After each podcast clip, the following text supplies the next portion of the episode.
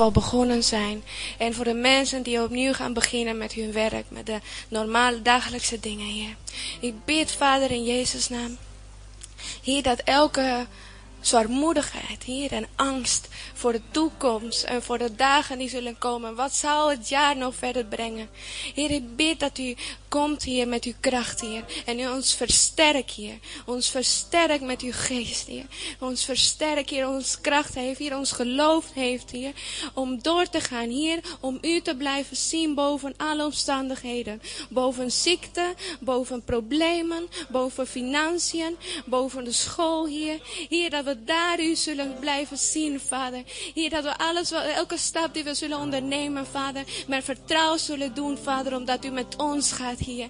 Heer, help ons, Heer. Help ons, Heer, om in blijdschap dit nieuwe seizoen te beginnen, Vader. De laatste half jaar van dit jaar, Heer, dat in overwinning zal zijn op het werk, op Overal waar we kunnen komen, waar we zullen komen op onze beurt, Vader. Er is zoveel te doen en zoveel verdriet, Vader. Zoveel mensen die u nodig hebben, Vader. Hier, geef ons uw geest, Vader. Geef ons uw woorden, uw wijsheid, Vader. Om uw liefde te kunnen uitstralen, hier. Vader, om door te gaan, om, om, om te vechten samen met u, Vader. Om dingen te doorbreken, onze eigen leven, het leven van onze familieleden. Hier, onze vrienden, hier, Vader. Hier, geef ons de kracht, Vader. Hier, dat we uw geest zullen ervaren zoals nooit tevoren, Vader. Hier dat we een nieuw seizoen zal zijn ook in onze geestelijke leven, Vader. Hier dat we ons zullen uitstrekken naar u, Vader. Naar meer van u, Vader. Naar meer van het echte God hier die u bent, Vader. Hier versterk ons, Vader God. Maak ons klaar hier. Maak ons klaar voor uw doel in ons leven, hier. Maak ons klaar, Vader. Maak ons klaar hier. Maak ons klaar, Vader, hier. Versterk ons hier. Hier, ik bid, Vader, dat elke de banden die ons tegenhouden, hier, om u te dienen, hier. Om u te zien zoals de God die u bent, hier. Doorbreek de banden, hier. In de naam van Heer Jezus, doorbreken die banden. Hier, dat we vrij kunnen zijn, hier. Vrij kunnen zijn door die over aan het kruis, Vader. U heeft het al gedaan, Vader. En we pakken, we pakken het aan, hier. En we beslissen om met u samen de weg te lopen. In Jezus' naam. Amen. Zegen, aanbidding,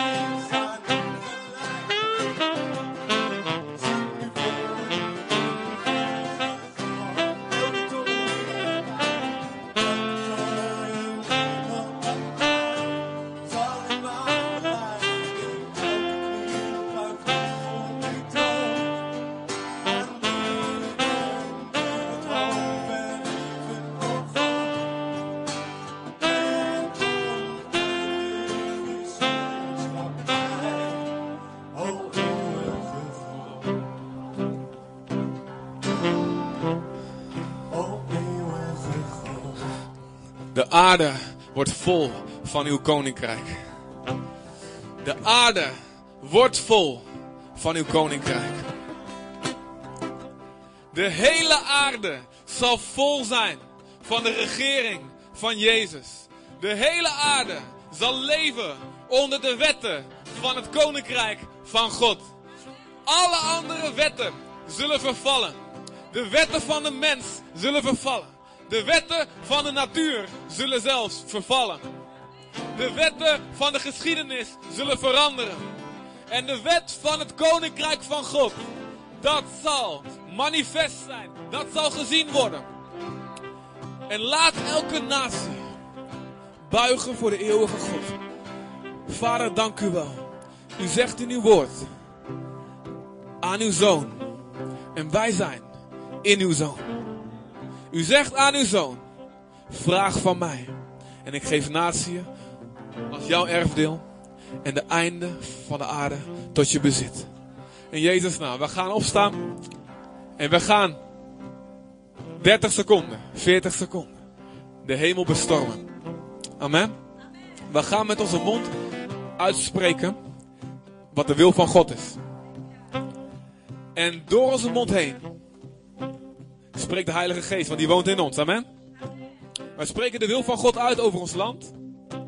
De wil van God die we gezien hebben in het woord, in, de, in het hart van God, net tijdens de aanbidding ook. In ons eigen leven, maar ook over onze stad, over ons land en over ons continent Europa, wat Jezus zo hard nodig heeft. En we gaan de wil van God uitspreken samen. En God schept nieuwe dingen door zijn woord. Amen.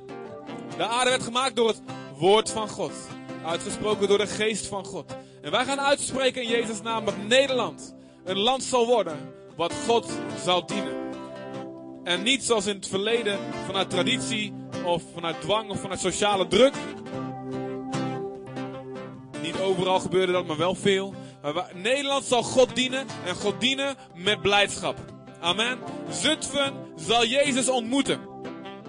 De dorpen hier in de steden hieromheen, ze zullen Jezus allemaal ontmoeten. Dit is de wil van God. En aan ons de taak dit uit te bidden. En God verbindt zich aan onze woorden. De kracht van God verbindt zich aan onze woorden. Zoals bij Samuel, hij liet geen van zijn woorden ter aarde vallen.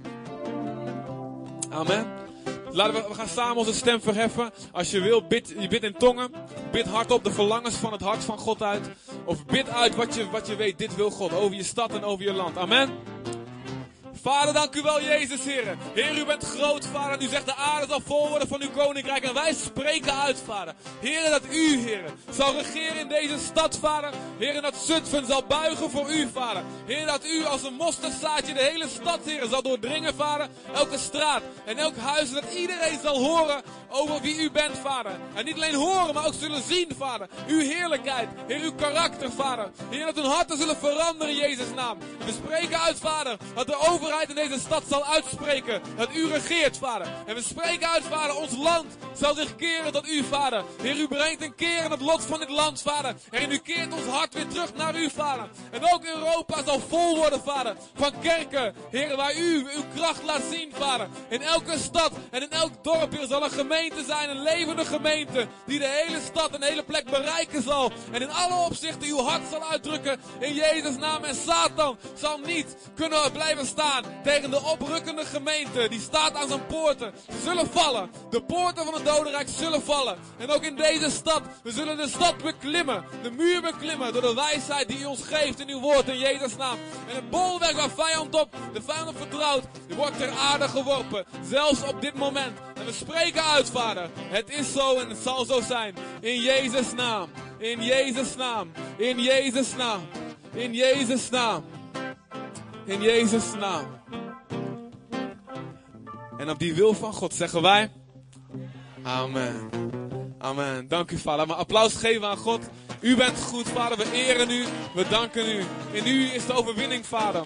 En u is de overwinning, vader. De overwinning op elk gebied, heren. Dank u wel. Amen. Amen. God is goed. Jullie mogen zitten. Dank jullie wel. Laten we ook, ja, de Bijbel zegt, wees elkaar een eer betoond en voorbeeld. Laten we ook een eer geven aan onze groep uit Reizen, die hier weer komt en ons zo geweldig dient. Prijs God voor jullie. Super. Heel erg mooi.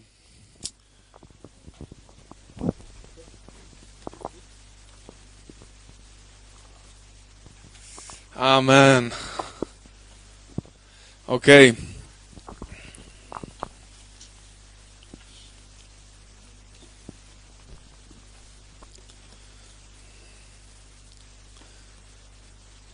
Oké. Hé. Ik hou ervan om intens God te aanbidden, om intens te bidden. Ik geloof dat de wil van God is. En iedereen is anders gemaakt. Maar eh, wat ik zeg, de Bijbel zegt: doe wat je doet. Heb God lief met heel je hart, met al je, heel je ziel, met al je kracht, met heel je verstand. Dus in de dienst ook gewoon, of in onze gebedstijd, we geven God alles wat we hebben. Amen. Dus eh, dat is meteen ook een goede conditietraining. Ah, amen. Oké, hoe is het met jullie? Zijn jullie allemaal, hebben jullie allemaal de vakantie overleefd? Nee. Wat vreselijk is vakantie, hè? Echt. Jullie snakken allemaal weer om weer terug te zijn. Nou, er zit een kleine kern van waarheid in. Ehm, de Bijbel zegt, als je met een, als je, als, als een bijl maar door blijft hakken, in prediker 10 staat dat, als een bijl maar door blijft hakken en je, je slijpt hem niet, dan kost het meer kracht. Dan kost het meer inspanning. We zijn geroepen voor datgene wat we doen. Eh, voor, voor, ja, voor, voor ons werk, voor het dienen van ons gezin, voor het gaan naar onze school, eh, voor het dienen in de gemeente en voor die dingen die door het jaar heen gebeuren. God roept ons daarvoor.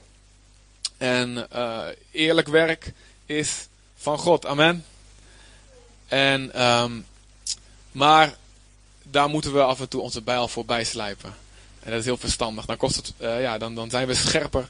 En daar is vakantie een geweldige manier voor. We zijn afgelopen weken op de Battle geweest. Heb ik gesproken. Dat was eh, leuk. Wie was erbij een paar keer? Zwaai even. Yes. Oké, was wel grappig, of niet? hey man, leuk je er bent. Cool. Ja, God heeft ehm, mooie, hele mooie dingen gedaan. Dat is echt heel bijzonder. Ehm, voornamelijk gewoon door het woord. Dat vond ik fijn om te zien. Ehm, ik heb natuurlijk veel gediend daar eh, als hoofdprogramma. En dat was vooral de avonden dat ik bij mocht zijn. En dat waren toch diensten waar we vooral echt een nadruk. Ja, waar we een kort woordje spraken. Waar ik vaak, een kort woordje bracht. Misschien 10 minuten, 15 minuten. Ehm, en dat we daarna gewoon eigenlijk gingen bidden met mensen. Of dat mensen naar voren konden komen. Of zonde konden beleiden. Of, of wat re- een reactie daarop konden geven. Dus vaak korte momenten. En nu vond het echt fijn om ook daar eh, ja, te zijn bij de Bijbelstudies. Zo gewoon veel mensen, veel Bijbelteksten, veel Bijbelgedeeltes aan elkaar te laten linken. En gewoon te zien dat God daardoor openbaringen gaf en daardoor sprak. Dat was heel erg leuk om te zien. En dinsdagavond ook een fijne avond gehad. Echt waar, eh, ja, waar we echt de heerlijkheid van God hebben meegemaakt. Ook in de aanbidding en in de tijd daarna. Dat, eh, ja, dat iedereen op zijn knieën lag. En dat er echt verandering van harten plaatsvond. Dat was heel erg bijzonder allemaal. Dus eh, ja, het was wel eh, lekker intensief. Maar eh, ja, genieten van wat God doet. En ehm ehm, ik geloof, ook voor vanochtend heb ik weer geloof. ehm, echt een verwachting van God. Eh, ehm, God gaat vandaag mensen opnieuw in hun hart aanraken. In Jezus' naam. Zullen we even bidden. Vader, ik dank u, Heer. U bent goed. Heer, ik weet dat u een woord heeft, Vader God, Heer. Ik, ik vertrouw op u, Vader, dat het van u is, Vader God. Heer, en dat het, dat het precies goed is voor iedereen die hier zit, Vader. Dat voor iedereen, Heer. Heer, er iets in brood is, Vader, Heer. We leven niet van brood alleen, maar wat uit, uit, uw mond komt, Vader. Heer, in Jezus' naam, mijn mond is van u, Vader, Heer. Laat het vele mensen wijden, Vader, Heer. Laat het leven brengen. In Jezus' naam, en onze oren zijn van u. Wij die zitten in de zaal, we luisteren. Heer, niet, met de oren van ons hart, maar met de oren van onze geest, Vader. En we stellen ons open voor u, Vader. En in geloof verwachten we van u, Heer. En we kijken naar u. Van u komt ons brood, Vader. Van u komt ons eten. En ook, Heer, dit eten zal goed voor ons zijn. Wat er komt zal goed voor ons zijn. Heer, en ik dank u wel, Vader, dat u innerlijke genezing gaat brengen, Vader. Vanochtend in Jezus' naam. Heer, dat de pijnplekken van ons leven, Heer, dat die open zullen komen. Of het nou specifiek benoemd wordt of niet, Vader, Heer, maar u zal spreken, Vader. Uw geest zal het scherper maken dan ik het ooit kan brengen. Heer, in Jezus' naam, Vader, komt u en u snijdt in onze harten. Heer, de diepste motieven van ons hart zullen naar boven komen, ook vandaag weer, Vader. Heer, en we zullen in het licht wandelen en alles zal in het licht zijn in Jezus' naam. En alles zal gezond worden, Heer. Uw rivier stroomt aan de zee en alles, dus alles zal gezond worden. En in ons leven, we spreken uit in Jezus' naam, alles zal gezond worden in Jezus' naam.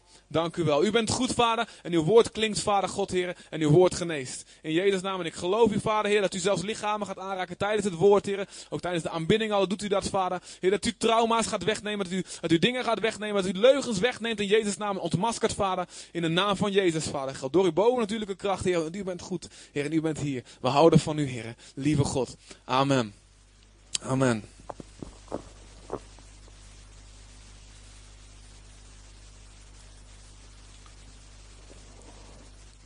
Vorige week zijn we begonnen met Jozef. Amen. Wie weet er nog iets van? Wat waren, wat, waren, wat, wat, wat waren de dingen die we eruit gehaald hebben?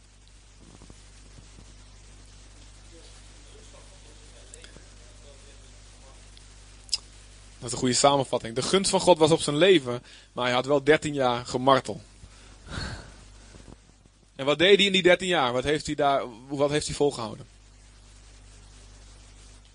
Niet bitter worden. Trouw en dienstbaarheid. Uitmuntende dienstbaarheid zelfs. En hij verleidde. Ja, dat, ik had gedacht dat jullie dat als eerste zouden noemen, want dat was het visuele. Ik- niemand herinnert zich meer de verleidelijke blik hier vooraan en zo. Dingen die je normaal helemaal niet in de kerk mag zien, zag je hier gewoon. Ik dacht dat het eerste, dat, dat, roepen jullie vast als eerste, maar dat zijn jullie, dat zijn, dat zijn ze vergeten. Ja. Dat is goed, dat is goed. dat betekent dat het in, allemaal in jullie levens allemaal niet meer speelt en zo. Jullie zijn allemaal. eh. Hij weerstond seksuele verleiding.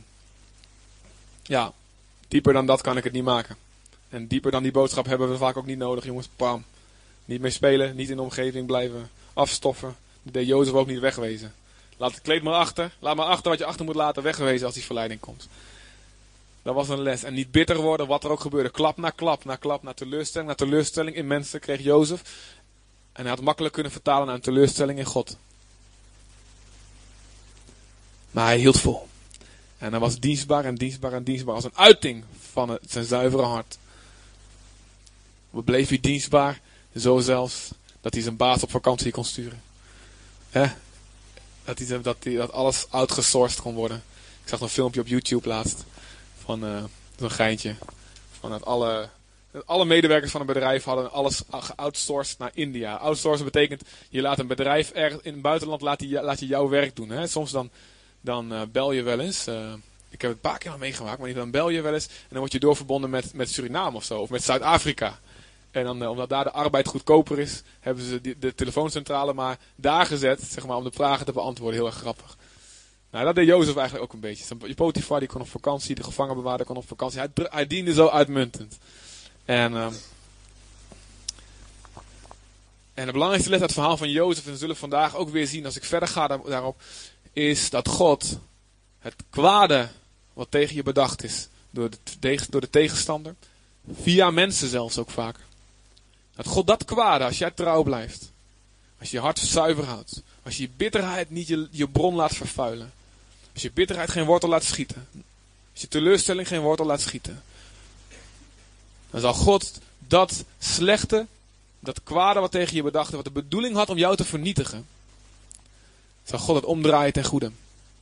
En God zal er leven uit voortbrengen. En dat zullen we vandaag ook zien. En we zullen vandaag wat meer focus leggen op de broers van Jozef. De aartsvaders van Israël. Israël is twaalf stammen. Die kwamen voort uit de zonen van Jacob. En het waren geen lievertjes. En dat vond ik mooi, wat in het gebed terugkwam. God heeft onbekwame mensen uitgekozen om zijn gemeente te bouwen. Amen. Halleluja. Daar ben ik zo dankbaar voor. En anders dan hadden we ook niet mee mogen doen.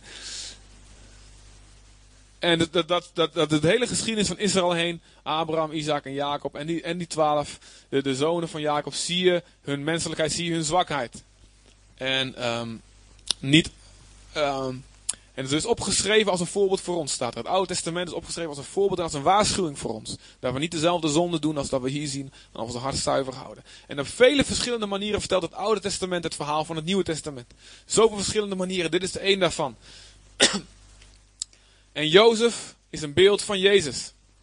Zoals we, Jezus zegt zelf ehm, tegen de fariseeërs en Sadduceeërs zegt hij, en de schriftgeleerden, jullie denken dat je, eh, jullie denken in de schriften, dat, jullie onderzoeken de schriften, jullie denken dat daarin het eeuwige leven is. Maar, en dat is ook zo, maar jullie zien niet dat de schrift, de Bijbel, het het Oude Testament, dat getuigt van mij.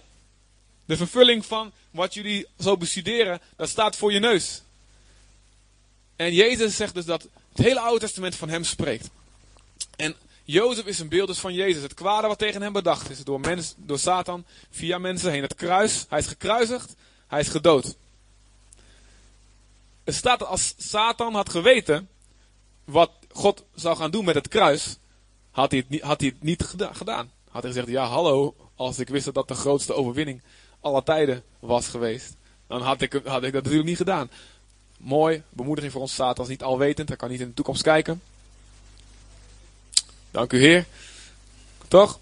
Anders had hij niet gedaan, hij, had hij wist het niet. En, maar eh, het kwade wat tegen hem bedacht werd, omdat Jezus zijn hart zuiver hield tegenover God. De duivel komt bij mij, hij probeert me te verleiden, maar hij heeft niks aan mij, zegt Jezus. Het kostte hem een worsteling. Dezelfde verleidingen die wij hebben ook moesten onderstaan, ondergaan, heeft hij ook ondergaan, nog zonder te zondigen. En omdat hij volhield, kwam er eeuwig leven voor miljarden. Amen. Zo ook omdat jij volhoudt, zal er eeuwig leven komen. Niet dat, wij zijn niet het verlossende offer voor de mensheid, dat niet. Maar door ons heen, als wij volhouden, we houden niet alleen vol voor onszelf, maar we houden vol voor tientallen, misschien duizenden, misschien indirect miljoenen, misschien zelfs direct miljoenen als hier in de Reinhard Bonker zit. Oh ja. Oh, sorry, was ik vergeten, Jin. Amen. Jin, yes. Goed zo. Reinhard Bonker voor de Eskimo's is Jin.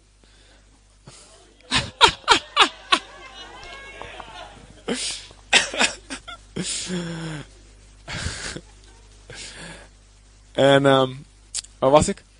Als jij volhoudt, dat betekent zegen voor misschien wel miljoenen of miljarden. Amen. Geloven we dat? God kan dit doen. Abraham dacht, wie ben ik nou? Een kinderloze man in de woestijn. Met een hele knappe vrouw. Maar goed, ehm, wat kan God er maar heen doen? God zegt, ik zal door jou, alle, alle volken zullen door jou heen gezegend worden. Dit is God. Zo slim is God. Alleen hij heeft mensen nodig die blijven geloven, blijven vertrouwen en hart schoon houden. Die wat er ook gebeurt, trouw blijven aan hem. In beleidenis, in woorden, maar ook in daden. Vooral. Dat vertaalt zich vooral in daden. En zo werd Jozef een beeld van Jezus. En de broers, die hadden moeten sterven door hongersnood. Diegenen die hem in de put hadden gegooid, hem verkocht hadden, hem eigenlijk hadden willen vermoorden. Diegenen worden juist gered. Zo zelfs die Romeinse soldaten die hem kruisigden. De Joden die riepen kruisig hem. Zij werden gered. Velen van hen werden gered omdat ze later geloofden in dus diegene die ze wilden vernietigen. Is dat niet geweldig? Nou, in, ehm, ik wil dat gaan lezen in Genesis.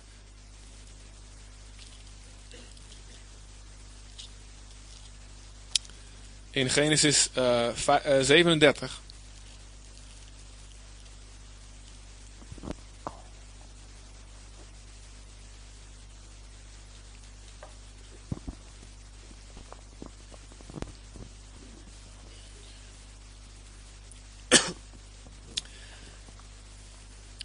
En ehm, ik wil eerst kijken naar de oudste zoon.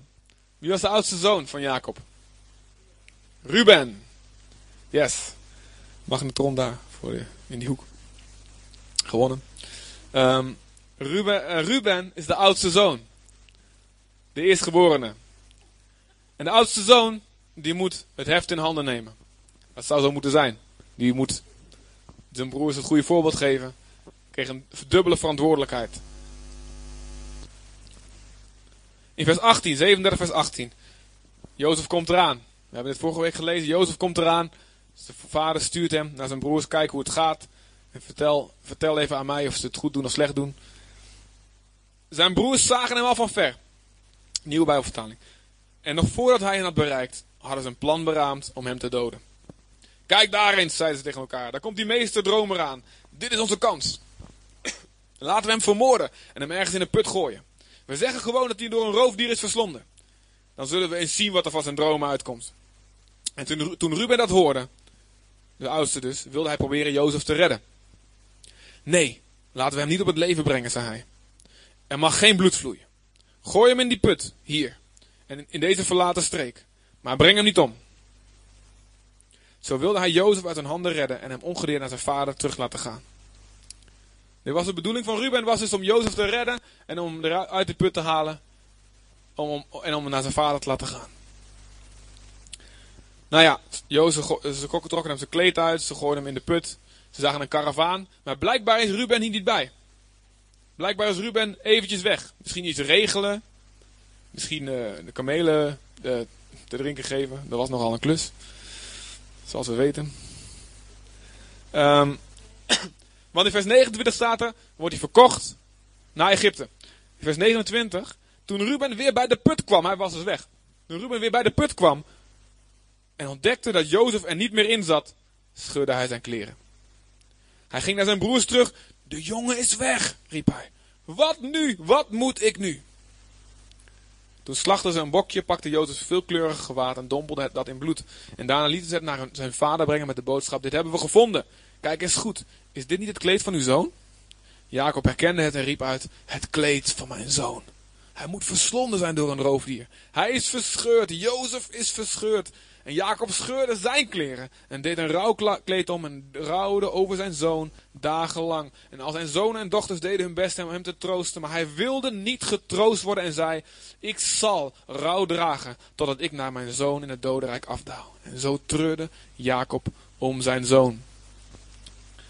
Nou, hier zie je dat Ruben iets wil doen. Hij heeft een plan in zijn hart, maar hij is niet krachtdadig genoeg om op te staan tegen de zonde. Hier zie je dat Ruben een halfhartig man is. Dat hij te lang zijn besluiten een beetje, maar een beetje de loop laat gaan. Nou, het komt wel een keer. En er staat er iets eerder over Ruben, een paar hoofdstukken daarvoor. In, in Genesis 35, vers 22. Er staat, tijdens Israëls verblijf in deze streek sliep Ruben eens met Bilha. Daar heb je weer die geweldige naam.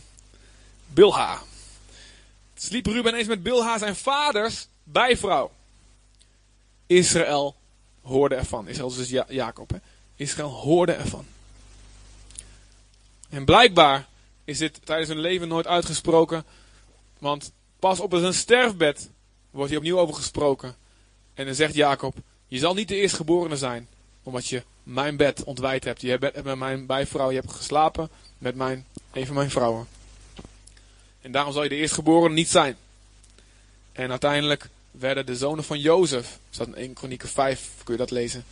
Uh, het begin daarvan in geslachtsregister staat dat de zonen van Jozef werden in plaats daarvan de eerstgeborenen van, uh, van het volk. maar Jozef, die deed, die deed er te lang over. Hij dacht, ik ga hem redden, ik ga hem uit de put halen.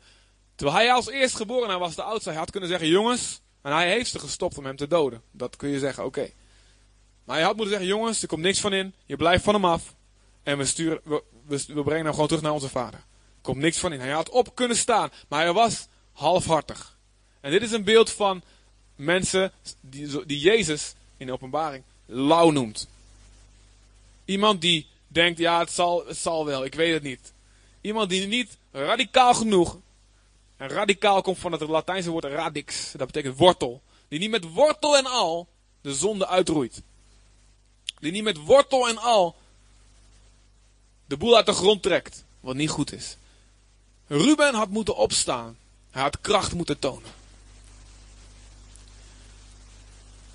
En dat, dat, dat hart dat uitte zich ook dus, ja, dat hij, uh, een gevolg daarvan was, was dat hij ook dus uh, niet de verleiding kon weerstaan om de vrouw van zijn vader te nemen. Dat was een, een enorme schande, was dat ook.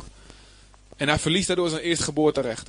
En de, de eerste les die ik hieruit leer, dat het is nodig, soms is het nodig. Op bepaalde momenten in je leven kun je er niet op laten lopen. Kun je niet zo van, nou ik zie het wel wat er van komt. Je moet een knoop doorhakken en je moet zeggen in Jezus naam, bang, ik sta hiervoor. En ik ga niet aan de kant. Ik sta op tegen zonde. Als je gezag hebt gekregen over een gebied, misschien als ouders, over een gezin, of, als je, of, of, of over je eigen leven, of over verantwoordelijkheid over een bepaalde groep mensen, zoals Ruben verantwoordelijk was, dan kun je zonde niet tolereren. Je moet er tegen opstaan. En je moet het niet half doen, want dan kom je bij de put en ontdek je het is te laat. Er staan veel andere voorbeelden in de Bijbel. Misschien spreek ik daar wel een keer wat langer over. Uh, maar lees bijvoorbeeld eens over Herodes in Marcus 6. Marcus 6, vers 20. Herodes ook. Herodes is ook zo'n besluiteloos iemand. Er staat uh, hij, hij, in Marcus 6, vers 20 en eromheen kun je lezen. Herodes, die wist eigenlijk, hij wist, oh, Johannes de Doper, dat is een profeet van God. En hij hoorde hem graag, staat er. Maar elke keer werd hij wel in verlegenheid gebracht. Uh, hij voelde zich overtuigd van zonde, van zijn fouten als Johannes de Doper sprak. Want Johannes de Doper was echt een radicaal type, jongen. Die sprak de koning aan in zijn gezicht. Zo, jij mag niet, de vrouw van je broer, die mag je niet hebben. Bang. Beetje zo'n Hup, de beuk erin, evangelist, old school bag. Geen, laat dat. En, en Herodes, hij, hij luisterde graag naar hem. Hij, hij, bracht wat in verlegenheid gebracht, maar hij deed er niks mee. Hij veranderde niet. Hij, hij vond het, oh ja, dit is waar, dit is waar, maar hij deed er niks mee. En zijn vrouw, hij zat behoorlijk onder de plak. En zijn vrouw die wou, die, wou, die dacht, uh, iemand die zo uh, tegen mijn huwelijk is en zo die moet, uh, die moet weg. En die zegt, laat hem gevangen, ik wil dat je hem gevangen neemt. Dan zegt Herodes, ja oké. Aan de ene kant wist hij, Johannes de Doper een goede gast. Maar ja, mijn vrouw is ook best wel eng. Dus weet je wat, oké, ik zet hem wel gevangen, ik dood hem niet. En op een gegeven moment komt een moment dat Herodes zo klem wordt gezet. Je kent dat verhaal van de dansen. En die, dochter die begint te dansen. En um, wat je ook vraagt, dat geef ik je. Helemaal hup, van de wijn. Ook een gevaar. Pas daarmee op.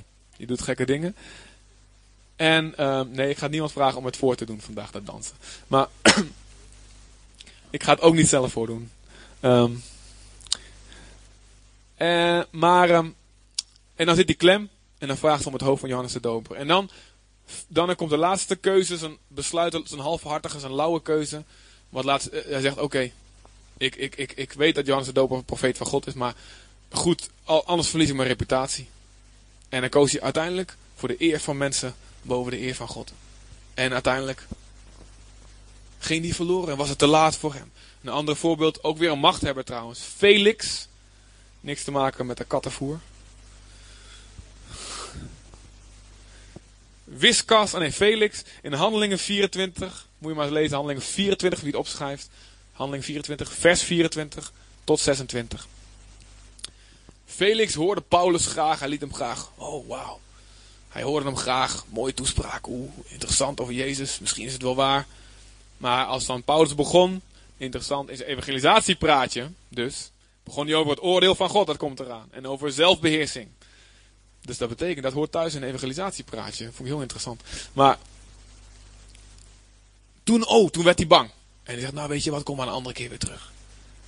En, en zo was hij ook een besluiteloos, een halfhartig iemand. Iemand die met de een been hier en de andere been daar.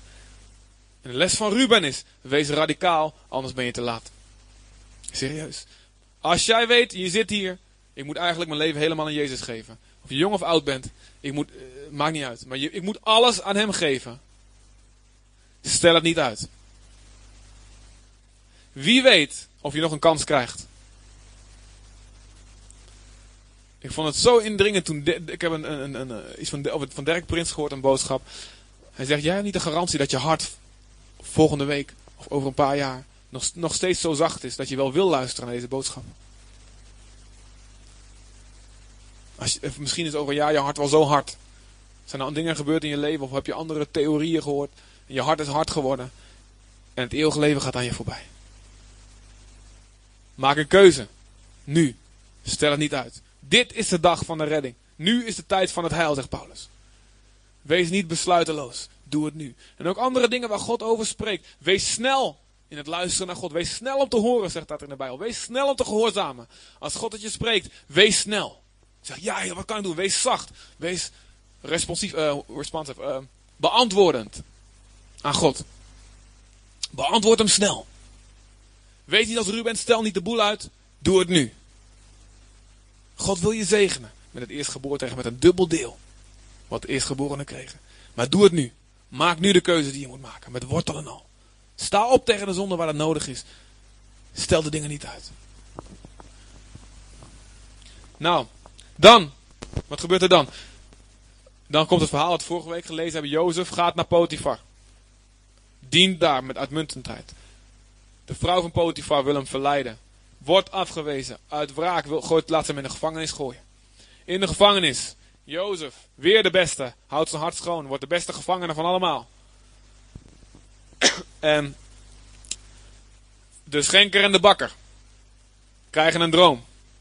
En de schenker wordt uiteindelijk. En Jozef helpt ze en legt een droom uit. De schenker wordt uiteindelijk, uiteindelijk weer verhoogd bij Farao. Farao krijgt een droom. En de schenker herinnert zich in één keer na twee jaar. Grapjas. Na twee jaar. Oh ja, er zit iemand die die dromen kan uitleggen in de gevangenis. En na twee jaar wordt Jozef eruit gehaald. Kun je nagaan, twee jaar vergeten. Uh, wordt Jozef uit de gevangenis gehaald. Jozef legt de droom uit. Er komen zeven goede jaren aan en zeven slechte jaren aan. Bewaar in de goede jaren, bewaar het voedsel, bewaar het graan, zodat je in de, in de slechte jaren iets hebt om uit te delen. En dan wordt Jozef aangesteld, oké, jij hebt het uitgelegd, dus jij bent de beste om die taak te doen. Jij wordt onderkoning. En hij krijgt macht en autoriteit, daar hebben we vorige week over gehad. Dan komt er hongersnood in het land Canaan, waar Jacob en zijn zonen wonen. En daar springen we even naartoe. In vers 2, hoofdstuk 42. Kijk eens wat een ruimte er aan dit verhaal gegeven wordt in de Bijbel. Wat een hoofdstukken trouwens. Hè? Hoofdstuk 42 vers 1. Toen Jacob hoorde dat er in Egypte graan was, zei hij tegen zijn zonen.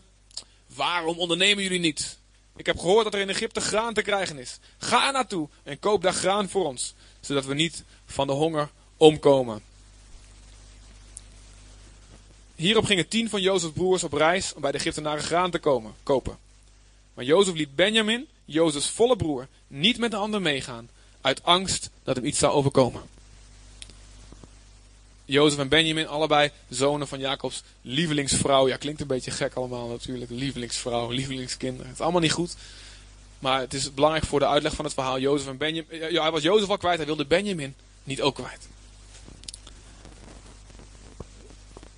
Zo kwamen Israëls zonen graan kopen, vers 5, samen met vele anderen, omdat de hongersnood ook Canaan in zijn greep hield. Jozef was de hoogste machthebber in het land en iedereen moest bij hem graan kopen. Toen zijn broers voor hem verschenen, boogden ze zich diep voor hem neer. Zodra Jozef zijn broers zag, herkende hij hen, maar hij deed alsof zij vreemden voor hem waren en vroeg op barse toon, waar komen jullie vandaan? In het Egyptisch, want later staat het, ze gebruikte een tolk, dus hij deed net alsof hij geen Hebreeuws kon. En via een tolk, waar komen jullie vandaan? En ze antwoordden dat ze uit Canaan kwamen en voedsel wilden kopen. Jozef herkende zijn broers wel, maar zij herkenden hem niet. Nogal logisch. Voor de laatste keer zag hij er in een put uit als een klein jochie van 17. En nu staat hij daar met zo'n mooie Egyptische muts. En waarschijnlijk zo'n zo'n cool baardje ook. En in de grote kleren jaren ouder. Ze herkenden hem niet. Wie, wie, wie verwacht, je, verwacht je nou in één keer dat je broertje daar nog staat? Vers 9, hij herinnerde zich wat hij over hen had gedroomd. Dat ze allemaal voor hem zouden buigen, had hij gedroomd toen hij jong was. En nu, op voor je ogen, zie je dat in één keer gebeuren. Kun je nagaan. Na al die jaren. Ze buigen voor me. Dit is het. Wauw. Hij zei tegen hen, vers 9, jullie zijn spionnen. Jullie zijn hier gekomen om te kijken wat de zwakke plekken van het land zijn. Nee, heer, antwoordden ze. Uw dienaren zijn hier alleen maar gekomen om voedsel te kopen. We zijn allemaal zonen van dezelfde man. We zijn eerlijke mensen. We zijn nooit spionnen geweest. Nou, hij zegt dus, hij had een plan. Hij zegt, jullie zijn spionnen. En zij zeggen als bewijs, nee, we zijn allemaal zonen van dezelfde man. Oké, bewijs het maar, zegt hij dan vervolgens. Want je zegt dat je nog een broertje hebt, neem dat broertje mee. Ik wil dat broertje zien. Benjamin, breng maar mee. En dan in vers, zie je dat in vers 20. Breng me dan je jongste broer, om te bewijzen dat jullie de waarheid gesproken hebben. Dan wordt niemand van jullie ter dood gebracht. Ze stemden toe en ze zeiden tegen elkaar. Dit is onze straf, omdat we ons niet hebben, niets hebben aangetrokken van de smeekbeden van onze broer, Jozef. Terwijl we toch zagen dat hij doodsbenauwd was. Daardoor zitten wij nu in de ellende. En er staat, oh even wachten. En Ruben zei, daar heb je hem weer, na die tijd wist hij het beter. Heb ik jullie niet gezegd dat je je niet aan de jongen moest vergrijpen? Maar jullie wilden niet luisteren. En nu wordt ons zijn dood betaald gezet. Staat in de oude vertaling staat het wat letterlijker. Nu wordt zijn bloed van ons geëist. Ze wisten niet dat Jozef hen verstond, want hij maakte gebruik van een tolk. Jozef liep bij hen vandaan omdat hij zijn tranen niet kon bedwingen. Toen hij terugkwam, sprak hij nog kort met hen. Toen koos hij Simeon uit en liet hij voor hun ogen in de boeien slaan. Simeon moest blijven als een soort borg dat ze terugkwamen. Haal Benjamin op. Oké, wat gebeurt er hier? De broers, die snappen, ze zitten in zo'n moeilijke positie. En meteen denken ze me. God betaalt ons terug nu. Het bloed wat we hebben laten vloeien. Van Jozef. Ze snapten de principes van God. Daar moet nu bloed voor terugkomen. Staat in de Bijbel, bij, als Abel vermoord wordt, het bloed wat op de aarde uitgegoten wordt, onschuldig bloed, dat moet gewroken worden. Er moet rechtvaardigheid zijn. Het bloed roept tot God. Wraak! Dit kan niet. De zonde, het loon van de zonde is de dood. En Jozefs broer snapte, oké, wauw. Nu komt het terug op ons hoofd. Karma, zoals de boeddhisten het zeggen. Of de hindoeïsten, ik weet niet wie. Je, hebt het gezaaid en nu krijg je het terug op je kop. En ze wisten het. Oké. We zitten in de problemen. En nou let op. Wat, wat, let op wat er gebeurt. Hierna. Ze gaan terug naar Jacob. Het is te veel om nu allemaal te lezen in de dienst. Maar lees het thuis.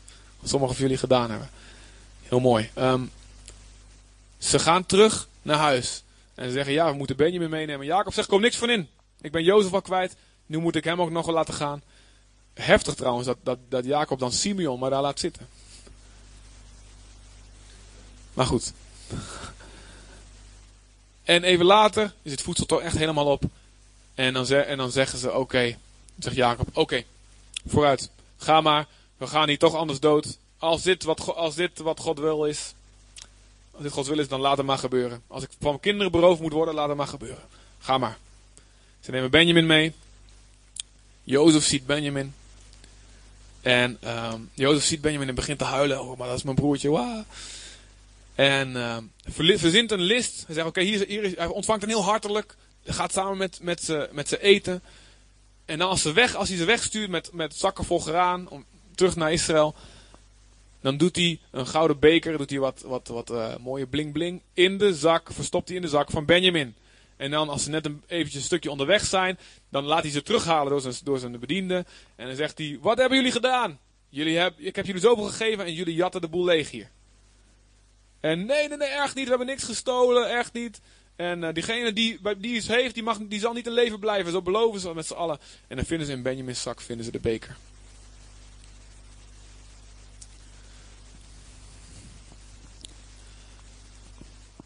Juda heeft tegen zijn vader gezegd, voordat ze gingen, heeft hij zijn vader beloofd. En dan lezen we in vers, eh, blum, blum, blum. vers 8. 43 vers 8, sorry. Genesis 43 vers 8. Dus voordat ze gaan met Benjamin, zegt Juda. Juda zei tegen zijn vader. Geef de jongen nu maar aan mij mee. Dan kunnen we vertrekken. En hoeft niemand van ons om te komen. Wij niet, u niet, vader, en onze kinderen niet. Ik wil persoonlijk borg voor hem staan. U mag mij verantwoordelijk voor hem stellen. Als ik hem niet veilig hier bij u terugbreng, mag u mij dat mijn leven lang aanrekenen. We hebben nu al zo lang gewacht dat we in die tijd wel twee keer op en neer hadden kunnen gaan. En dan laat uiteindelijk Jacob ze gaan. Hij zegt, ik sta, ik ga persoonlijk borg voor hem staan. Zegt Juda. En dat is heel interessant. Wat Juda neemt hier de rol op, eigenlijk die de eerstgeborene had moeten, moeten op, op- opnemen. En dan staat er in vers 14, 44 vers 14, tra- staat er, zo kwamen Juda en zijn broers in het paleis van Jozef. Één keer wordt gesproken over Juda en zijn broers. Er is iets in het hart van Juda wat, wat gebeurt. Dan, uiteindelijk, als, dan, als ze dan terugkomen en ze zeggen: Benjamin, je hebt die beker gestolen. Benjamin moet hier blijven en moet mijn slaaf blijven, zegt Jozef. En Jozef heeft dit allemaal heel slim bedacht. Jozef heeft in, een, in zijn hart zijn broers, dat is mijn overtuiging, heeft hij zijn broers al vergeven voordat hij ze zag. Hij voor, voordat ze het vroegen, heeft hij al besloten, ik wil het loslaten. Is belangrijk. Als we van de week ook over vergeving gehad en toen vroegen mensen ook van, ja, maar moet je niet wachten tot ze vergeving komen vragen? Het is heel belangrijk dat mensen vergeving komen vragen, maar als je daarop wacht, nou, dan heb je heel wat wat je heel lang moet vasthouden. Want heel veel mensen, die komen, die, die komen nooit vergeving vragen. Jozef had ze al vergeven, maar hij wilde ze een lesje leren, letterlijk. En dit is ook een beeld van God, is een beeld van Jezus. God wil ons vergeven. Jezus wil ons vergeven. Het bewijs daarvoor. Hij heeft alles gegeven om die weg open te maken. Maar, en dat, dat geldt voor ons, ons allemaal. Als mensen ons iets, aan, ons iets aandoen, willen we wel dat ze een klein beetje voelen van wat ze gedaan hebben. Wat nou als Jozef ze zag? Hé, hey, mijn broers, ze buigen voor me. Hé hey, jongens, ik ben het, ik vergeef jullie. Had gekund. Maar God is zo duidelijk. Zonde is zo ernstig. Hij wil ons vergeven. Maar het moet niet goedkoop zijn. Het moet niet iets makkelijks zijn. En Jozef wil ze een les leren. En dat is soms God in ons leven. Zo is soms God in ons leven. Hij wil ons vergeven. Maar hij wil ook dat we ermee kappen. En dat we een ander hart krijgen. En daarom lijkt het soms alsof we gestraft worden voor onze zonde. Zoals deze broers ook dachten. En is dat misschien ook echt een beetje zo. Maar het doel van God uiteindelijk is dat we het hart krijgen. Van wat Juda nu laat zien. Let op. 44. Hoofdstuk 44. Vanaf. Nou, vanaf. Ja, hij begint een hele lange toespraak. Juda begint uit te leggen. En vertelt over zijn vader. Vertelt over Jozef. Ja, we hebben al een broer verloren. En hij vertelt over Jacob. Zegt, oh man, ik kan die andere niet kwijtraken. En dan in vers 30 zegt hij tegen Jozef. Dus heer, als ik bij mijn vader terugkom. Zonder de jongen. Aan wie hij zo verknocht is. Aan wiens ziel, staat in de oude vertaling heel mooi. Aan wiens ziel zijn eigen ziel nauw verbonden is. Als ik terugkom zonder de jongen. Aan wie hij zo verknocht is. Dan kan het, niet, kan het niet anders. Of hij sterft wanneer hij ziet dat de jongen er niet is. En door het verdriet dat wij hem daarmee zouden aandoen. Zou onze oude vader in het dodenrijk komen. En ik heb mij bij mijn vader borg gesteld voor de jongen. Ik heb hem gezegd dat hij het mij mijn leven lang mag aanrekenen als ik de jongen niet terugbreng. Staat u daarom alstublieft toe, mijn heer, dat ik als slaaf bij u blijf, in plaats van die jongen. En dat hij met zijn broers terugreist. Hoe zou ik immers zonder die jongen naar mijn vader kunnen teruggaan? Ik zou het verdriet dat ik mijn vader daarmee aan zou doen, niet kunnen aanzien. Juda, het hart van Juda, is veranderd. Het hart van Juda heeft gezien. Het hart van Juda is geopend. En heeft zich bekeerd. Dit is bekering. En dit is het hart van Jezus. Het is niet toevallig dat later Jacob over zijn zoon profeteert. In hoofdstuk 49, vers 10. Hij zegt, uit jou zullen koningen voortkomen. En er zal eentje komen. Silo staat er in de oude vertaling. In de nieuwe vertaling staat hij die er recht op heeft. Wat het ook is, het, staat, het, wat, het spreekt over Jezus. Die komt uit jouw stam, Juda. Hoofdstuk 49, vers 10. En hem zullen de volken dienen. Het is niet toevallig dat Jezus de leeuw is uit de stam van Juda. Want Juda laat hier al, vele generaties daarvoor, het hart van Jezus zien. Ik kan het verdriet van mijn vader niet aanzien. Er is hier deze jongen, Benjamin. De ziel van de vader is zo aan hem verknocht. Hij wil hem. Hij wil hem niet verliezen. En Juda zegt: Ik sta borg voor die jongen, want ik wil het verdriet van mijn vader niet zien. Dus mijn leven in ruil voor zijn leven. En hier wordt Juda zelf ook een beeld van Jezus. Die het verdriet van de vader niet kon aanzien. Die niet wilde dat zijn zoon voor eeuwig bij hem gescheiden, dat zijn kinderen voor eeuwig van hem gescheiden waren. En hij zegt, vader, ik sta borg. Mijn leven in ruil voor hun leven. Wat gebeurt er op dat moment? Toen, 45 vers 1. Toen kon Jozef zich niet langer goed, goed houden. Hij kon ze niet langer bedwingen. Hij kon ze niet langer goed houden tegenover alle die daar bij hem waren. Laat iedereen weggaan, riep hij. Zo was er niemand bij, bij toen Jozef zijn broers vertelde wie hij was. Hij barstte in tranen uit en huilde zo luid dat de Egyptenaren het hoorden. En dat het ook in het paleis van de farao te horen was. Heftig, een paleis verder.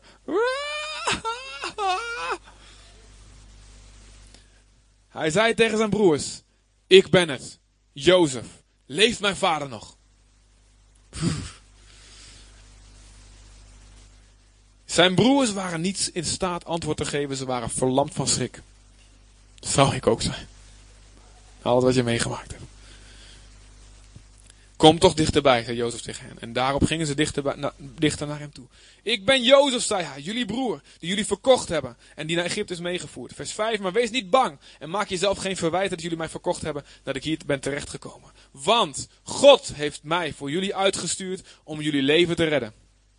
De hongersnood tijdens het land nu al twee jaar en ook de komende vijf jaar zal niet geploegd of geoogst worden. En God heeft mij voor jullie uitgestuurd om jullie voortbestaan op aarde veilig te stellen. Zo wilde hij vele levens redden. Niet jullie hebben mij dus hierheen gestuurd, maar God.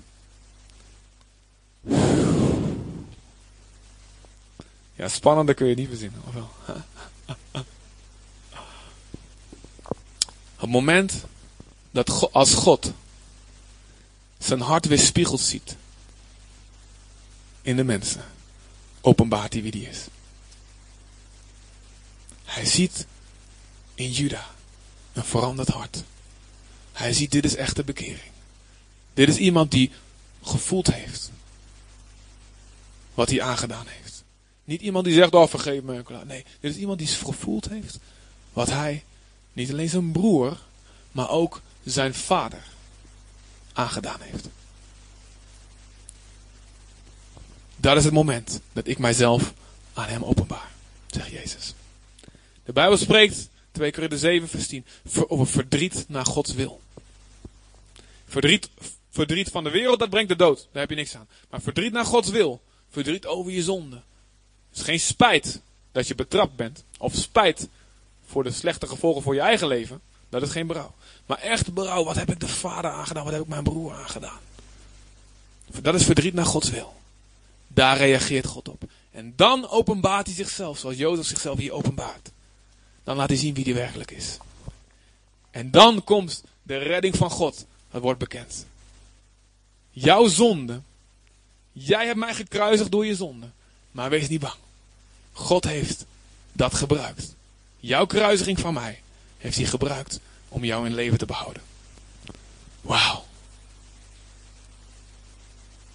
De Bijbel, de schriften zijn er die van mij getuigen, zegt Jezus. Het evangelie staat op elke bladzij.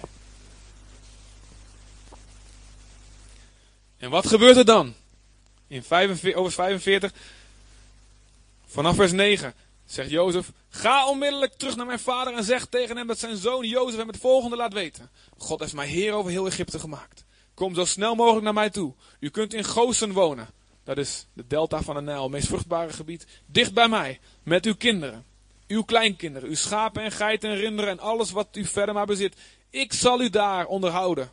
Ik zal voor u zorgen. Want de hongersnood zal nog vijf jaar duren en hoeft u geen gebrek te lijden. U niet en ook uw familieleden en uw dieren niet. En tot slot zei Jozef, jullie allemaal, ook jij Benjamin, zien met eigen ogen dat ik het zelf ben die hier met jullie spreekt. Vers 13, vertellen jullie mijn vader dus hoeveel aanzien ik heb in Egypte. De heerlijkheid die ik heb, staat in de overtaling. En alles wat jullie gezien hebben, vertel wie ik ben en vertel alles wat je gezien hebt. En laat hem dan zo snel mogelijk hierheen komen. De mensen wie zoveel vergeven is. En wie's hart veranderd is, veranderen vervolgens in de boodschappers. In de boodschappers om anderen erbij te halen. Ja. De mensen die snappen hoeveel hun vergeven is.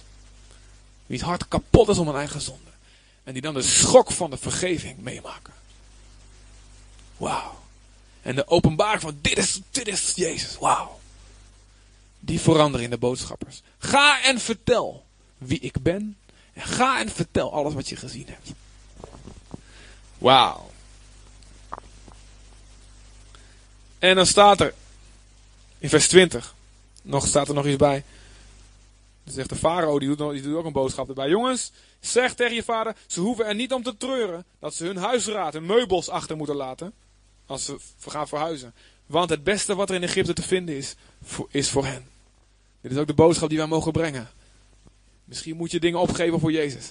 Maar zeg tegen ze dat ze het niet jammer moeten vinden van wat ze moeten opgeven. Het beste van God is voor jou.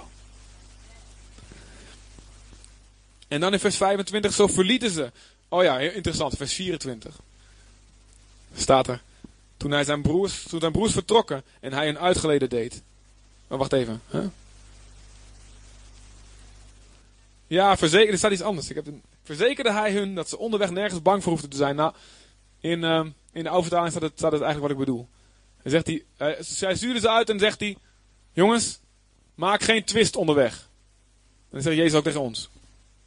Ga en vertel. En hé, hey, maak geen ruzie onderweg, oké? Simpele boodschap. Helaas niet altijd goed begrepen. Vers 25, zo verlieten ze Egypte en kwamen ze weer in Canaan bij hun vader Jacob. Jozef leeft nog, zeiden ze tegen hem. En hij regeert over heel Egypte. Ja, de. Herken je de reacties van mensen tegen wie je vertelt over de liefde van God, over de genade van God? Ja, zal wel. Ze geloven in sprookjes te mooi om waar te zijn. Wat staat er? Maar Jacob bleef er koud onder, want hij geloofde hen niet. Als iemand iets niet gelooft, blijft hij er koud onder. Als jij het evangelie vertelt en iemand gelooft niet, dan blijven ze koud eronder. Als ze snappen wat er gebeurd is. Als jij je bent, je gelooft dat gelooft en je beseft dat God je vergeven heeft, dat je gered bent van de eeuwige dood, dan blijft je hart niet koud. Dan sta je te springen en te juichen en te dansen voor God. Van binnen of van buiten. Maakt me niet uit. Maar je doet het. Want je gelooft het. Als je niet gelooft, blijft je hart er koud onder. Als jouw hart koud is onder het evangelie, als jouw hart koud is als je over Jezus hoort. Vraag jezelf eerlijk af, het beste wat je kan doen, geloof ik het echt? Geloof ik het echt? Je kan ervoor kiezen om het te geloven. Het kan. Je hoeft niet te wachten tot het uit de hemel valt. Als iemand iets niet gelooft, blijft zijn hart er koud onder. Maar, er was meer nodig dan alleen een mooi praatje. Dus met evangelisatie spreken over Jezus ook nodig. Er is meer nodig dan alleen het vertellen. Er is meer nodig. Het kan soms genoeg zijn. Bij mensen die al helemaal wachtend waren. Maar in vers 27. Toen hun vader echter alles overbrachten wat Jozef tegen hen had gezegd had. Ze legden het dus verder uit. Alle details vertelden ze.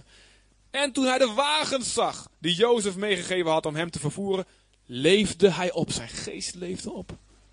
Mensen, sommige mensen zijn zo verlangend. Om bij, eigenlijk om verlangend om bij Jezus te zijn. Zoals Jacob het was, verlangend bij Jozef te zijn.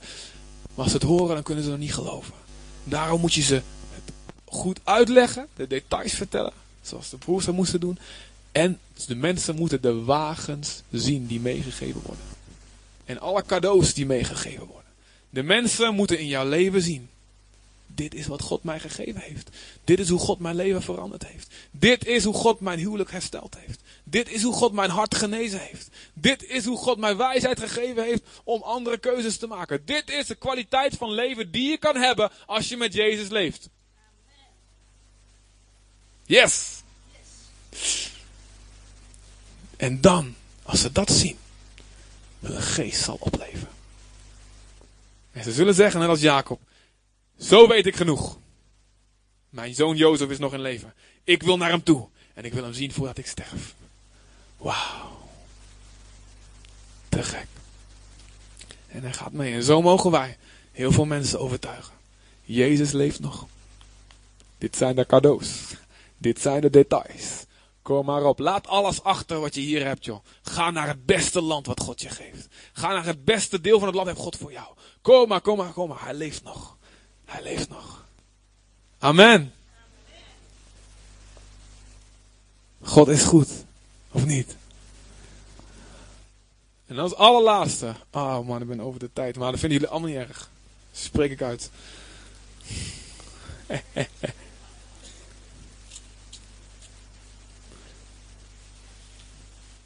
Wat gebeurt er? Jacob komt met al zijn zonen. Hij leeft. Hij, hij, hij, ontmoet, hij ontmoet Jozef. Hij leeft nog een aantal jaren daar. En pwah, zijn hart leeft op. Dan gaat Jacob dood. En als laatste wat in Genesis staat. In vers 50. Hoofdstuk 50. Vers 15. nu hun vader er niet meer was, zeiden Jozefs broers tegen elkaar. Als Jozef zich nu maar niet tegen ons keert en zich wreekt voor alle ellende die wij hem hebben aangedaan. En daarom lieten ze hem de volgende boodschap brengen. Voordat hij stierf heeft je vader ons opgedragen je dit verzoek over te brengen. Vergeef je broers een schandelijke misdaad, Jozef. Ze hebben je in de ellende gestort, maar wees nu zo goed om de dienaren van de God van je vader die misdaad te vergeven. Hé, hey, ze waren toch al vergeven, wat is dit nou? Ze waren toch al vergeven? Maar ze konden het nog niet geloven. Want ze hadden, en dat is heel goed, ze hadden gezien hoeveel ze hun broer en hun vader in de hemel hadden aangedaan. En dan is het logisch. Het is logisch. Als je echt snapt hoeveel je God hebt aangedaan met je zonde, met je leven, met je fouten, met wie je bent. Als je echt snapt dat je de dood verdient, dat je de hel verdient, dat je het oordeel verdient. Als je dan vergeven wordt, is het op zich logisch dat je dan dat even niet kan geloven. Ik heb het ook gehad, het moment dat ik al, dat God me al mijn zonde in mijn gezicht drukte. Die avond. Dat alles doorbrak. Toen heb ik ook zwaar de Heilige Geest nodig gehad die me overtuigde. Het is echt voor jou. En durf het maar aan te nemen. Want ik had mezelf voor het eerst in mijn leven gezien hoe walgelijk ik was van binnen. Voor het eerst in mijn leven. En ik, ik kon, en, en toen God me dan op zien dat Jezus is voor jou gestorven. Het is voor jou. Toen zei ik dan, nee, nee, nee, kan niet. Dat kan niet. Ik heb net gezien hoe slecht ik ben. En de Heilige Geest in mijn gedachten neem het aan. Het is voor jou, neem het aan. Het is voor jou, neem het aan. Het is voor jou. En toen iets in mij greep moed en zei, oké. ik geloof u. En dan komt de dankbaarheid. En dan komt, wauw, hoeveel vergeeft u me wel niet. En dan komt het vuur van God om zijn wil te doen. Dan, als je echt snapt dat je alles vergeven is. En dan zegt Jozef, halverwege, vers 17. Bij het horen van die woorden kon Jozef zijn tranen niet bedwingen. En daarna gingen zijn broers zelf naar hem toe en ze vielen voor hem op de knieën en zeiden, we zijn bereid je slaaf te worden. Maar Jozef zei, wees maar niet bang. Ik kan toch Gods plaats niet innemen. Jullie hadden kwaad tegen mij in de zin. Maar God heeft dat ten goede gekeerd om te bewerken wat er nu gebeurt. Dat een groot volk in leven blijft. Wees dus niet bang. Ik zal zelf voor jullie en jullie kinderen zorgen. En zo troostte hij hen en stelde hen gerust. Wat er moet gebeuren. Psalm 30 vers 6. Een ogenblik duurt zijn toorn. Maar een leven lang duurt zijn welbehagen. Je moet een klein moment de boosheid van God over je zonde voelen. Dat moet. Dat moet. Zoals die broers een lesje moesten leren. Je moet snappen wat je God aangedaan hebt. Als je niet snapt, als je denkt van ja, dit is mij een beetje vergeven, zul je geen passie voor God hebben. Zul je geen echte bekering meemaken. Je moet het oordeel van God over je leven, je moet snappen, ik verdien de dood. Dat moet. Je moet weten, ik ben niet als een fariseer die alles goed gedaan heeft. Ik ben als die prostituee. En ik weet dat ik fout ben. En het zou maar, als God me kan vergeven, zou een droom zijn. Voor een moment. Maar daarna ook. Moet je het lef hebben om aan te nemen. Die, die vergeving die God je geeft. Het leven lang van de gunst van God. Je moet het aannemen. Jozef zegt. Dit is, ik zal voor je zorgen. Hij troostte hen en stelde hen gerust. Als jij hier bent en je denkt, oké, ik weet wat ik God aangedaan heb, maar ik kan eigenlijk niet ik weet niet, ik voel me nog steeds schuldig. Je beleidt je zonde, maar je denkt de volgende dag, ik beleid ze nog maar een keer. Want ja, misschien vergeeft God het niet of wat. De Bijbel staat, als je je zonde beleidt, God is trouw en rechtvaardig je de zonde te vergeven. En je te reinigen van alle ongerechtigheid. Geloof dat God je vergeeft. Geloof het. Want dan zul je de blijdschap kennen van het leven met hem. Want ook als je nog denkt, God heeft me niet echt vergeven, zul je wegrennen van God. Wegrennen van intimiteit met God. Wegrennen van, van aanbiddingen, van, van, van zijn hart. Hij wil dat je naar hem toe komt. Omdat je weet, wauw, ik ben vergeven. Ik ben vergeven. Amen. Laten we staan. Willen jullie komen, lieve Riesenoren?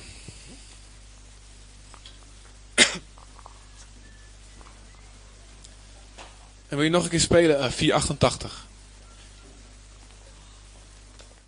Ik vraag je je ogen te sluiten, nog even niet te praten met elkaar. Nog even niet te denken aan de koffie en aan de kinderen en aan wat dan ook. En aan wat je vanmiddag gaat doen. Ik wil je vragen echt te focussen nog even op God.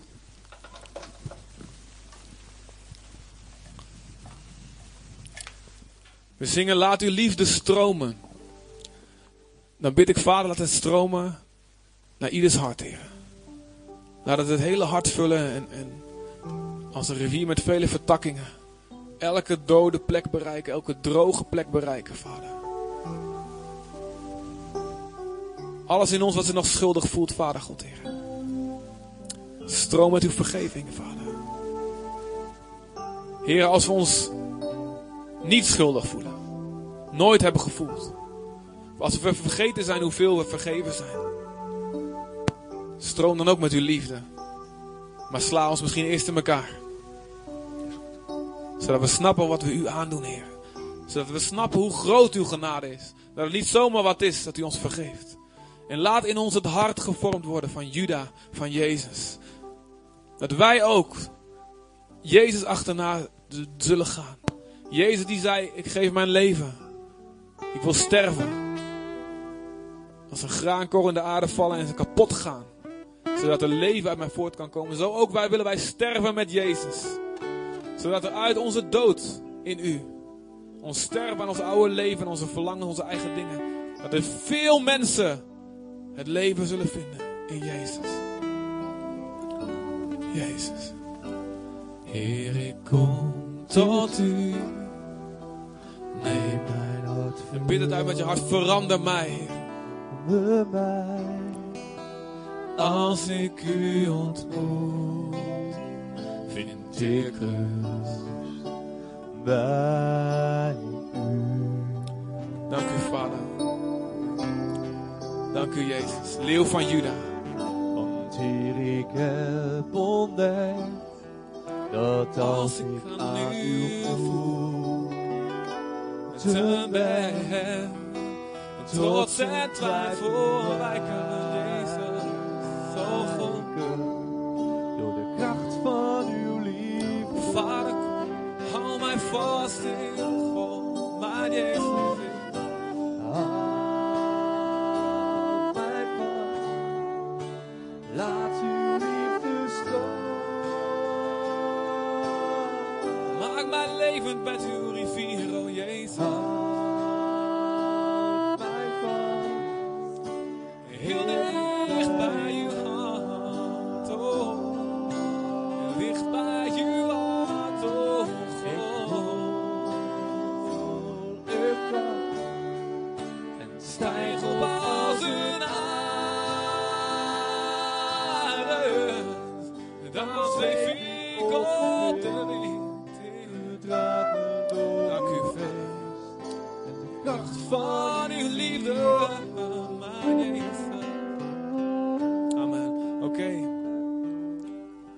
God, Heer.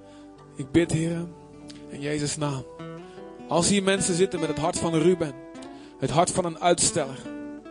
Als hier mensen zitten die denken, ja, oké, zonde, zonde, ja, het zal wel.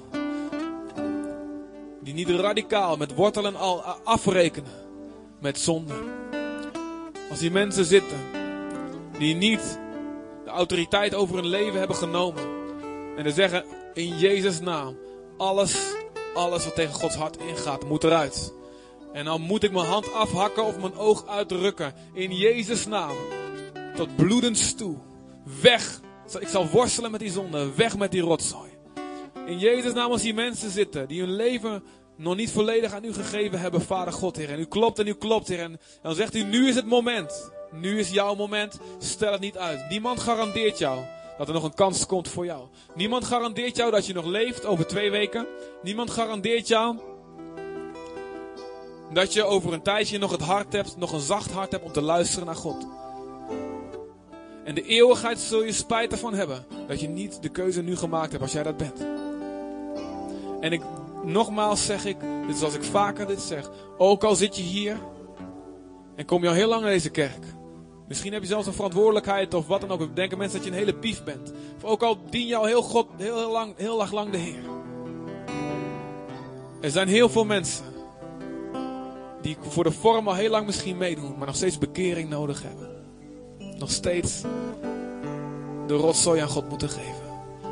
Dus schaam je daar niet voor. Maar als ik zo ga vragen, voor iedereen die dat wil, die dat moet doen om zijn hand op te steken, dan doe dat. Doe dat. En denk niet aan tijdelijke dingen. Denk aan eeuwige dingen.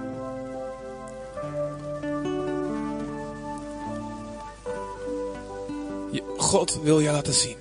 Ik wil je vergeven. Het is goed dat je het voelt. Hoe erg het is. Het is goed. Maar mijn uiteindelijke doel is, ik wil je schoonwassen, ik wil je vergeven. Zo'n vergeving dat ik je ermee schok. Dat je het zelfs misschien niet eens kan geloven. Maar het is echt waar. Als jij ja zegt tegen Jezus, God zal je het nieuw hart geven. Het hart wat Juda had. En je zal Jezus achterna gaan en door jouw leven, misschien door je dood, je dood aan je oude mens en je oude dingen, daardoorheen zullen veel mensen gered worden. En dan stuurt God je erop uit als een boodschapper. Om alles te vertellen. Om alles te laten zien. Als hier iemand is die die keuze moet maken. Voor het eerst. Of voor de zoveelste keer.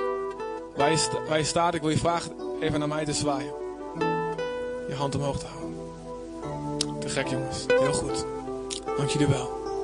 Heel goed. Dank je wel. Te gek. Super.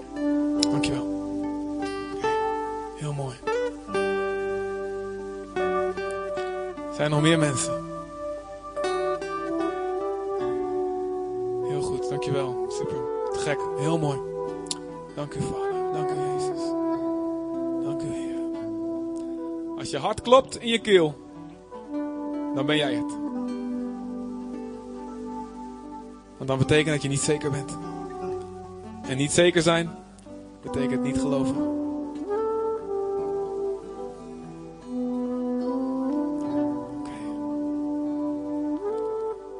Vader in Jezus' naam, ik dank u wel voor iedereen, Heer, die deze keuze gemaakt heeft, Heer. Die zich heeft laten zien, Vader.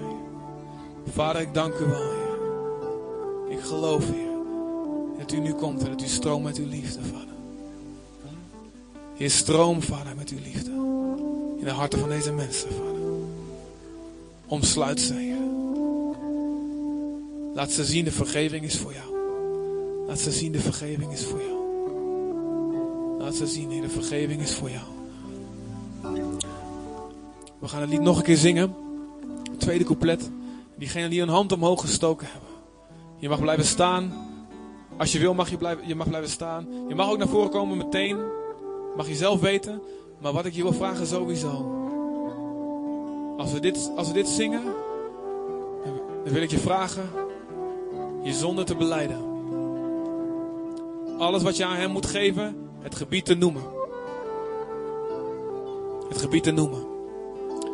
Wat je hem moet geven. Heer, kom dichterbij. Praat met God nu.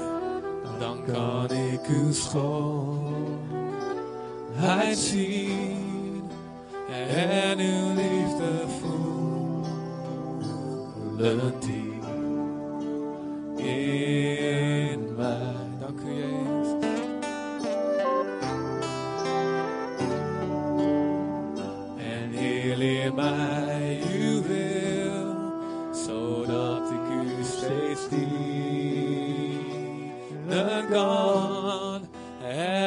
dag mag leven.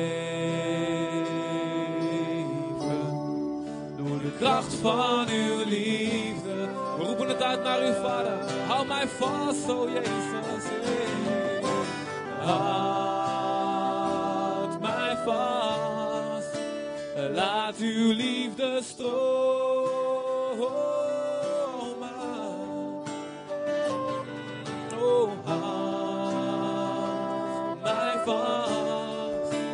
Heel dicht bij uw hart.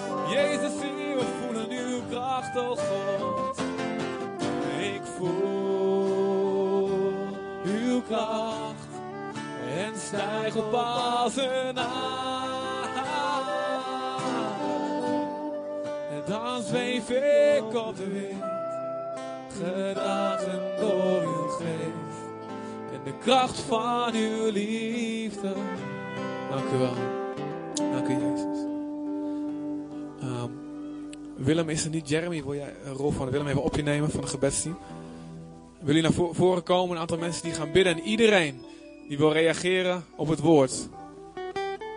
Dat kan zijn of zonder beleiden, wat gezond is en wat goed is. Of samen met iemand, met een getuige erbij, zeggen: Ik wil dit gebied van mijn leven aan Jezus geven. Of zij het een andere reactie, die misschien niet genoemd is, maar je weet: Dit maakt het in mij los en ik moet hier zaken mee doen. Ik moet niet zijn als Ruben, ik moet nu ermee dealen. Iedereen kan nu naar voren komen. En hier gewoon staan. Er wordt met je gebeden. En de band zal nog even een paar liederen doorspelen. En voor de rest van jullie, ik zegen jullie. Wil je vragen om te staan. Dan sluiten we het af. Vader, in uw aanwezigheid zijn we gekomen vandaag. We danken u wel, Heer, dat u doet, Heer. U doet datgene waar we op hopen. U verandert harten. Heer, u spreekt, Heer. U bevestigt met kracht uw woord, Vader. Ik dank u wel. Laat de liefde van u, van uw hart, Vader. En laat die vergeving, die schokkende vergeving van Jezus.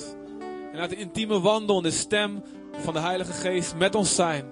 Laat die met ons blijven totdat u terugkomt, Jezus. En tot we opgaan in uw glorie, Heer. In de naam van Jezus. Amen. Amen. Iedereen die wil gaan, die mag gaan. En iedereen die wil komen hier en die wil blijven, alsjeblieft. Ik wil iedereen die voor het eerst een leven aan Jezus geeft vandaag, die wil ik wel graag zien. Dus kom maar. Als jij dat bent. Amen. Zegen.